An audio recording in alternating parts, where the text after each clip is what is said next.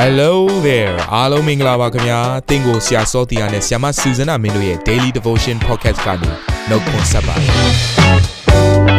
ဆရာနဲ့ဆ iam မတို့ရဲ့အသက်တာမှာဘုရားရှင်ပြုတဲ့ကောင်းကြီးမင်္ဂလာများစွာရှိပါတယ်အဲ့ဒီအထက်ကပြန်လဲစီးဆင်းတဲ့နှုတ်ကပတ်တော်ကိုဒီနေ့မှနားထောင်ပြီးခွန်အားယူကြမှာဖြစ်ပါတယ်နေ့စဉ်10မိနစ်လောက်အချိန်ပေးပြီးမိမိရဲ့အသက်တာကိုကောင်းကြီးဖြစ်စေမယ့်ဘုရားသခင်ရဲ့နှုတ်ကပတ်တော်နဲ့နီးလန်းတွေကိုအတူတကွခံယူကြရအောင်ခင်ဗျာ အားလုံးကိုမင်္ဂလာပါလို့နှုတ်ခွန်းဆက်ပါတယ်ဒီတစ်ပတ်တာတော်တဲ့မှာဘုရားသခင်အထံတော်သို့တိုးဝင်ခြင်းဆိုတဲ့နှုတ်ကပတ်တော်ကိုကျွန်တော်လေ့လာနေကြတာဖြစ်ပါတယ်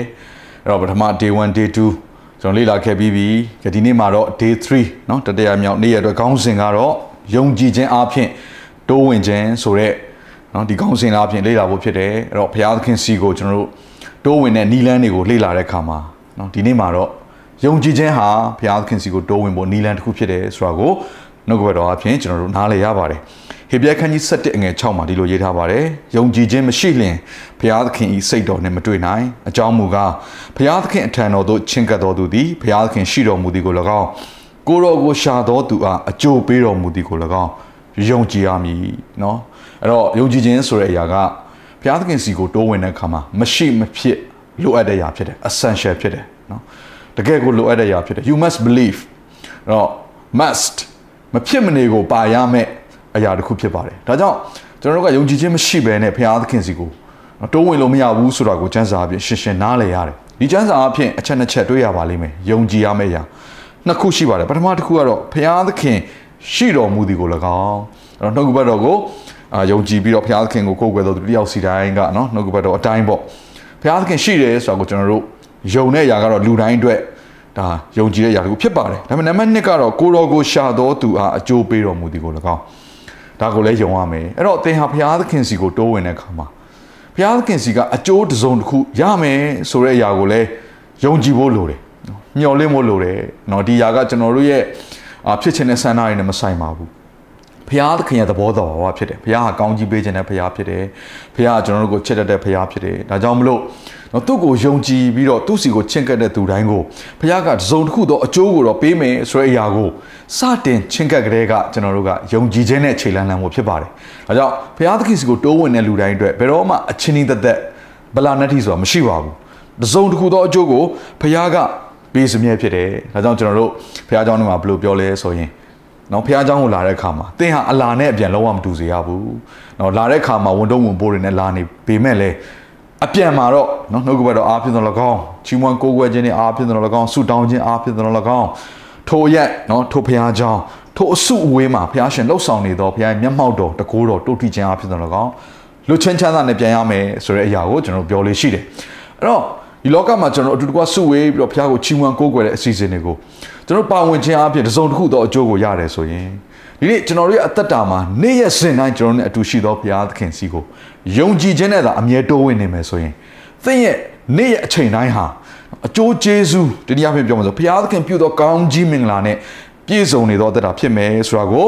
စိတ်ချစေခြင်းပါတယ်အဲ့တော့တနည်းအားဖြင့်ပြောရမယ်ဆိုရင်ယုံကြည်ခြင်းဆိုတဲ့ဒီနေရာမှာပြောနေတဲ့ဘုရားသခင်စီကအကျိုးတစုံတစ်ခုရမယ်ဆိုတဲ့ယုံကြည်ခြင်းဆိုတာကိုကျွန်တော်ပြောနေတဲ့အခါမှာ နော် theology နဲ့မဆိုင်ပါဘူးเนาะဘုရားဘလို့ဘုရားမျိုးလဲเนาะဘုရားသခင်သဘောတော်ကဘလို့မျိုးလဲဘုရားကငါတို့ဘလောက်ထိနားလည်ဖို့လိုတယ်ဆိုတော့ကျွန်တော်တို့ theology ဘိုင်းဆိုင်ရာနားလည်မှုတွေနဲ့မဆိုင်ဘဲနဲ့ဘုရားပေါ်မှာစိတ်ချခြင်းဖြစ်တယ်ဆိုတော့ကျွန်တော်ဘုရားเจ้าကိုကောင်းကောင်းသိချင်မှသိလိမ့်မယ်ဘုရားသခင်ရဲ့သဘောတဘာဝတွေနဲ့เนาะသူ့ရဲ့နောက်ကျောင်းရာဇဝင်တွေကဘာဦးကျမ်းကဖြစ်ပျက်တွေအနာဂတ်အတိကျမ်းကဖြစ်ပျက်တွေတခါဗျာဒိတ်ကျမ်းကဖြစ်ပျက်တွေကိုစစ်စိတ်ငါငါသဘောပေါက်ချင်မှပေါက်လိမ့်မယ်ဒါပေမဲ့ဘုရားသခင်စီကိုတိုးဝင်တဲ့အခါမှာ အဲ့ဒီဖရာသခင်ရဲ့သစ္စာရှိခြင်းဟာလေလုယာအဲ့ဒီဖရာသခင်ရဲ့အကျိုးကိုပေးခြင်းနဲ့သူ့ရဲ့မေတ္တာသူ့ရဲ့ကောင်းမြတ်ခြင်းဒီနေ့အဖြစ်ပြောမှဆိုသူ့ရဲ့ character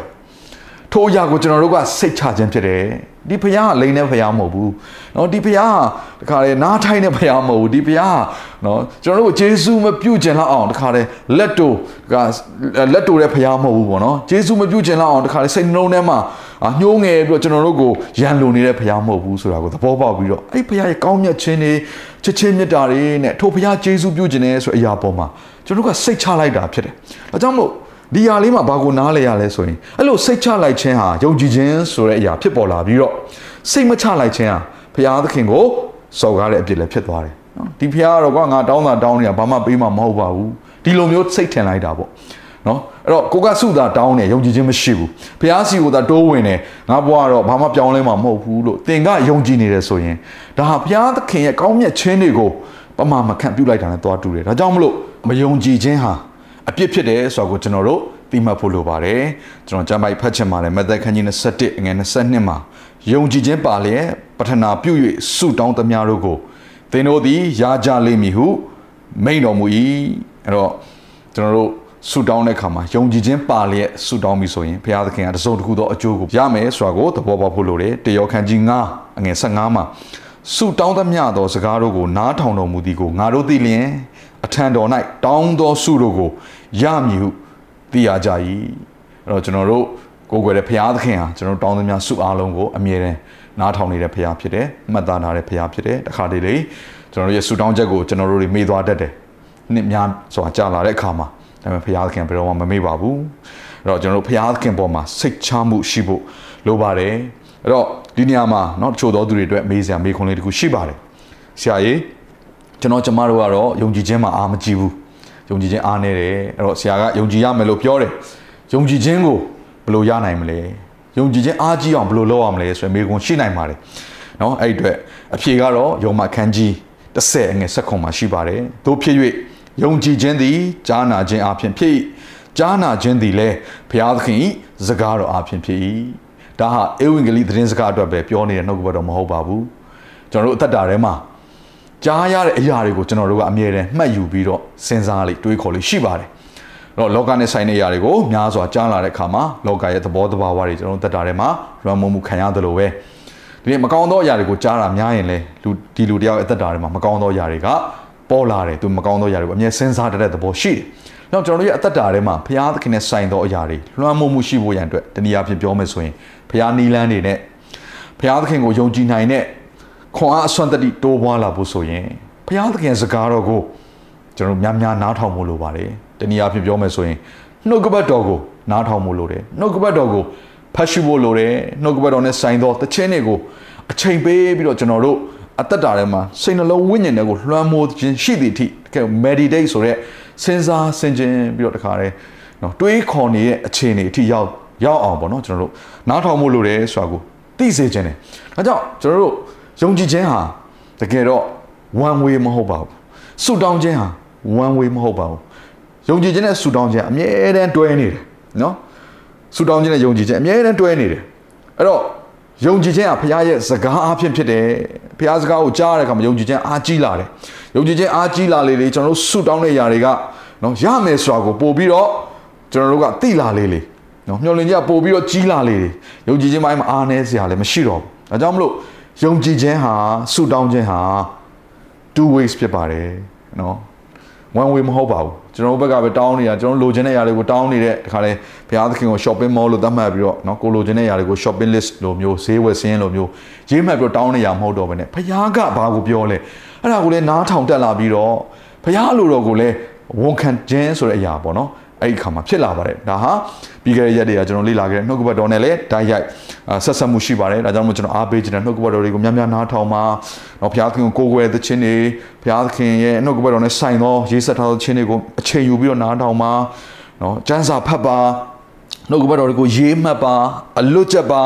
နော်ကျမ်းပိုက်တွေကိုအလွတ်ချက်ပါဒါတွေကကျွန်တော်တို့အတွက်ယုံကြည်ခြင်းကိုအားကြီးစေတယ်အာမင်အဲ့တော့ကျွန်တော်တို့ကျမ်းစာထဲမှာ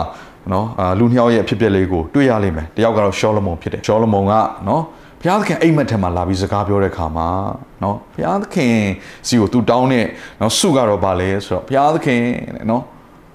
ကိုတို့ရဲ့လူတွေကိုနော်ကြည့်ရှုပြုစုနိုင်မှုရဲ့အလုံးကဉာဏ်ပညာကိုပေးပါဆိုတဲ့သူစုကိုတောင်းတဲ့ခါမှာသူတောင်းနေရတဲ့ရသလိုမတောင်းတော့စီစဉ်ဥစ္စာအားလုံးကိုလည်းဘုရားရှင်ပေးလို့ဆိုတာတွေ့ရလိမ့်မယ်အဲ့တော့အင်္ဂလိပ်ကျမ်းစာကိုကျွန်တော်ကြည့်လိုက်တဲ့ခါကျတော့သူတောင်းတဲ့စုကဘယ်လိုလဲဆိုတော့ an understanding and discerning heart အဲ့တော့စိတ်ဝိညာဉ်တွေကိုပိုင်းခြားနားလည်ပြီးတော့နော်ခံယူနိုင်တဲ့နှလုံးသားပေါ့လေတနည်းအားဖြင့်ပြောမှဆို hearing heart နားထောင်တတ်တဲ့နှလုံးသားလူတွေရဲ့အတန်ကိုကြားမယ်လူတွေပြောတဲ့စကားကိုနားထောင်မယ်ပြီးရင်ပိုင်းခြားနားလေတဲ့အရာပေါ့အဲ့တော့ကျွန်တော်တို့အသက်တာတွေမှာဘာရှိဖို့လိုလဲဆိုနားထောင်တတ်တဲ့နှလုံးသားရှိဖို့လိုတယ်အထူးသဖြင့်ဖျားရှင်စကားကိုနားထောင်တတ်တဲ့နှလုံးသားဖြစ်တယ်နော် အာဒါဝိဒ်လိုပေါ့ဒါဝိဒ်ရဲ့နော်ဆန္ဒကတော့ဘုရားသခင်အတွက်သူကအိမ်ကိုစောက်ပေးခြင်းတယ်နော်တခါလေသူကဒါနဲ့ prophet Nathan နဲ့သူကတိုင်းမင်းတယ်ငါဘုရားသခင်တို့အိမ်ကိုစောက်ပေးခြင်းတယ်မင်းဘယ်လိုသဘောရလဲဆိုတော့ Nathan ကလည်းဟာဒါအရန်ကောင်းတဲ့အရာပဲအဲဘုရားကနော်ဒါဝိမင်းကြီးကို Nathan တဆင်ပြန်ပြောတယ်အဲ့တော့ဒါဝိကတော့ငါအတွက်အိမ်ကိုစောက်ပေးခြင်းတယ်ဒါပေမဲ့ငါကသူ့အတွက်အိမ်ကိုစောက်ပေးခြင်းတယ်အဲ့တော့ ဘုရားသခင်ဘက်ကနော်ပြင်ဆင်ထားတဲ့စဉ်းစားထားတဲ့အရာကကျွန်တော်တို့စဉ်းစားထားတဲ့ပုံစံနဲ့တခါဒီမှာတူချင်မှတူမယ်ကျွန်တော်တို့အကောင်းဆုံးတော့လှုပ်ဆောင်တယ်ဘုရားရှင်စီမှာအကောင်းဆုံးစုတွေကိုကျွန်တော်တောင်းလိုက်ပါတယ်အဲဘုရားသခင်ကအင်တာမှာကောင်းမြတ်တဲ့ဘုရားဖြစ်တယ်ဒါဝိဒ်ကဘုရားသခင်ကိုရောအတွက်ကျွန်တော်နော်အိမ်ကိုဆောက်ပေးခြင်းနဲ့ဗိမာန်တော်ကိုဆောက်ပေးခြင်းနဲ့လို့ပြောတဲ့အခါမှာဘုရားကငါမင်းအတွက်ငါအိမ်ကိုဆောက်မယ်ဆိုပြီးတော့ဘုရားကပြန်ပြီးတော့နေတန်အဖြစ်ပြောတဲ့အခါမှာဒါဝိဒ်ကအဲ့ဒီဘုရားသခင်ပြောတဲ့စကားကိုသူကဝန်ခံလိုက်တယ်စဉ်းစားကြည့်ပါ ရှင်ပြန်တယောက်က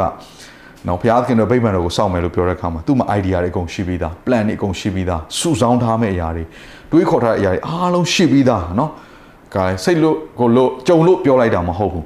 သူကတေချာစဉ်းစား plan ချပြီးမှပြောလိုက်တဲ့စကားတစ်ခုဖြစ်ပါတယ်ဒါပေမဲ့လည်းဘုရားရှင်ဆိုသူတိုးဝင်လိုက်တဲ့အခါမှာအဲ့ plan တွေအကုန်ထားခဲ့လိုက်တယ်သူစဉ်းစားထားတဲ့အရာအားလုံးထားလိုက်ပြီကိုတော့အလိုတော်ကိုကျွန်တော်ဝန်ခံပါတယ်ဆိုတဲ့အရာဘုရားသခင်ရှေ့ကိုပြန်တိုးဝင်တဲ့ဒါဝိမင်းရဲ့အသက်တာကိုတွေ့ရလိမ့်မယ်ဒါကြောင့်ကျွန်တော်တို့က နော်ဒီနေ့ယုံကြည်ခြင်းဆိုတဲ့အရာကဘုရားသခင်စကားကိုကြားခြင်းအားဖြင့်ယုံကြည်ခြင်းကတိုးပွားလာတာဖြစ်ပါတယ်အဲ့လိုယုံကြည်ခြင်းတိုးပွားလာလေလေဘုရားအလိုတော်ကိုနားလည်လာလေ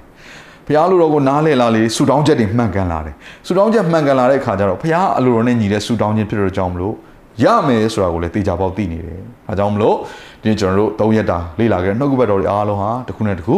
ဆက်ဆက်မှုရှိတယ်ဆိုတာကိုလည်းနားလည်စေချင်ပါတယ်ဒါကြောင့် hearing heart เนาะကျွန်တော်တို့နားထောင်တတ်တဲ့နှလုံးသားနဲ့ဘုရားရှင်စကားကိုနားထောင်ပြီးတော့ယုံကြည်ခြင်းမှာအားကြီးပြီးတော့ဒီနေ့ဘုရားသခင်စီကိုတိုးဝင်တဲ့အခါမှာလဲ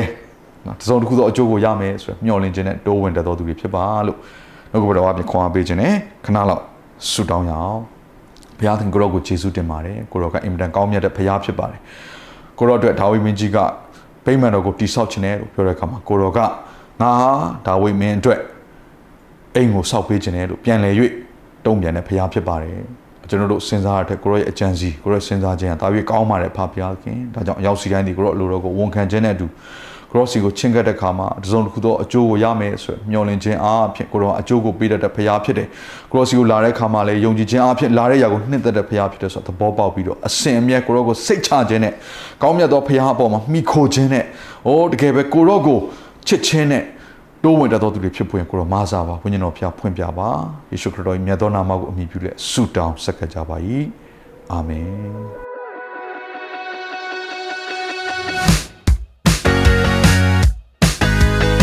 နာတော်တာစင်သူတိုင်းရဲ့အသက်တာမှာကောင်းကြီးဖြစ်မယ်ဆိုတာကိုကျွန်တော်ယုံကြည်ပါတယ်။သင်ရဲ့အသက်တာအတွက်များစွာသော resource တွေနဲ့ update တွေကို Facebook နဲ့ YouTube platform တွေမှာလည်းကျွန်တော်တို့ပြင်ဆင်ထားပါတယ်။ Facebook နဲ့ YouTube တွေမှာဆိုရင် search box ထဲမှာ စုစွမ်းနာမင်းလို့ရိုက်ထည့်လိုက်တဲ့အခါအပြအယောင်အမှန်ချစ်ထားတဲ့ Facebook page နဲ့ YouTube channel ကိုတွေ့ရှိမှာဖြစ်ပါတယ်။နှုတ်ကပတ်တော်တွေကိုဗီဒီယိုအားဖြင့်လည်းခွန်အားယူနိုင်ဖို့ရန်အတွက်အစဉ်သစ်ပြင်ဆင်ထားပါတယ်။ကျွန်တော်တို့ဝိညာဉ်ရေးရာအတွက်အထူးလိုအပ်တဲ့ဖွင့်ပြခြင်းတွေနဲ့ခွန်အားတွေကိုရယူလိုက်ပါ။နောက်ရက်များမှာပြန်ဆုံတွေ့ကြရအောင်ခင်ဗျာ